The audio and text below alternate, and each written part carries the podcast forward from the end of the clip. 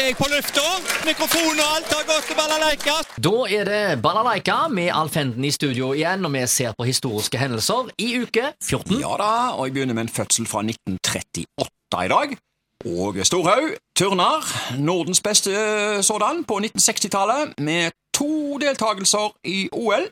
Femteplass i EM 1965 sammenlagt, og sølv i sprang.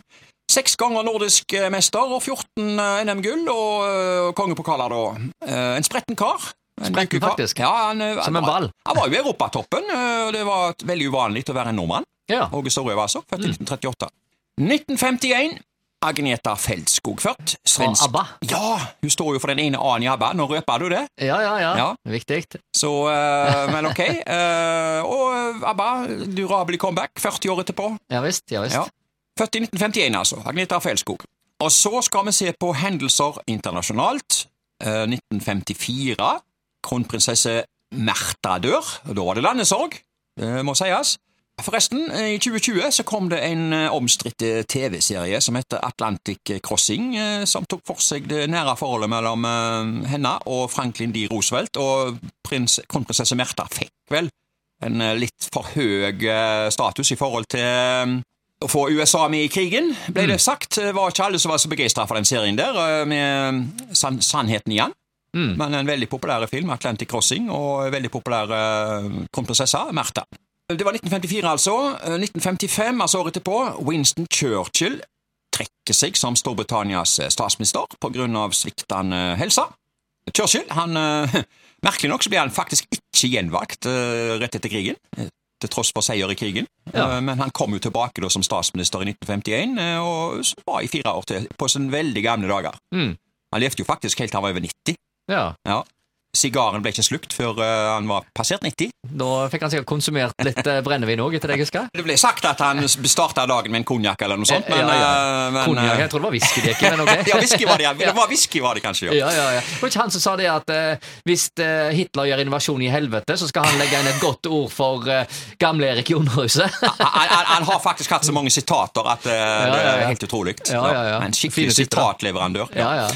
Hendelser lokalt, kinouke 14, 1980 denne gangen. Um, og der på Edda uh, gikk eh, barnefilmen Tintin og Haisjøen. Og så gikk filmen uh, Drømmekvinnen 10.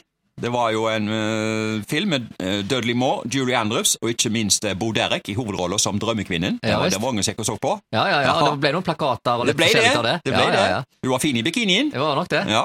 Grotten, der gikk Corvelle Summer, en voksenfilm der med Mark Hamill og Annie Potts. Og på festiviteten, som fremdeles var i sving, så gikk filmen nå har jeg bare meg! Ja, ja, ja. Eh, Det var en voksenfilm, 18-årsgrensa, med eh, Maria Schneider. Og det som sto i eh, kinoannonser, fem år som prostituert i Paris. Ja. Så har vi det som rettesnor for, for hva det handler om. Og så skal vi se på andre ting. Hendelser lokalt. 1918. Haugesunds Dagblad skrev Haugesunds fotballklubb driver en rasjonell trening hver mandag, onsdag og lørdag i Barneparken. Sesongen i år vil by på mange interessante kamper. Ja, eh, vel, så veldig mange interessante kamper ble det nok ikke, for de la nemlig ned en drøye måned senere. Deres siste kamp var 18. mai mot Vard, i en kamp som Haugesunds fotballklubb, som de da heter, vant 21. Så da kan vi si de la ned med stil. Ja visst. Ja. Ja, visst. Men altså, Haugesunds fotballklubb de regnes jo for å være den første ordentlige fotballklubben i byen. Den var stifta i 1912. De spilte i svarte drakter med hvite stolper og svarte bukser, og mm, ja, ble mange turer til Stavanger for å spille kamper. Eh, hjemmekampene, eh, som gikk i Barneparken, det var jo det som var fotballstadion på den tida, eh, ble som regel spilt mot norske marinelag som lå i Haugesund da under første verdenskrig. Det var kortversjonen av Haugesunds fotballklubb, som altså la ned i 1918. Og så eh, fortsetter vi. Ja, vi skal gjøre et kjempesprang til 2013. En gudstjeneste i T-forbindelsen. Oh, ja. 60 meter under Karmsundet, 3,8 km inne i fjellet, ble det holdt gudstjeneste med over 500 deltakere, gitt. Åtte fulle busser eh, hadde frakta de inn til den helt spesielle gudstjenesten, som ble dekka av Karmsund Avis, og jeg skal si litt her. Avisen omtalte det som katedralstemning, og skrev Prost Helge Gord talte sprudlende og engasjert om Jesu oppstandelse, den best bevitnede historiske hendelse som finnes, ved blant annet å henvise til at Jesus faktisk ble sett av 500 brødre på en gang, et faktum selv Paulus understreker når han skriver til korinterne.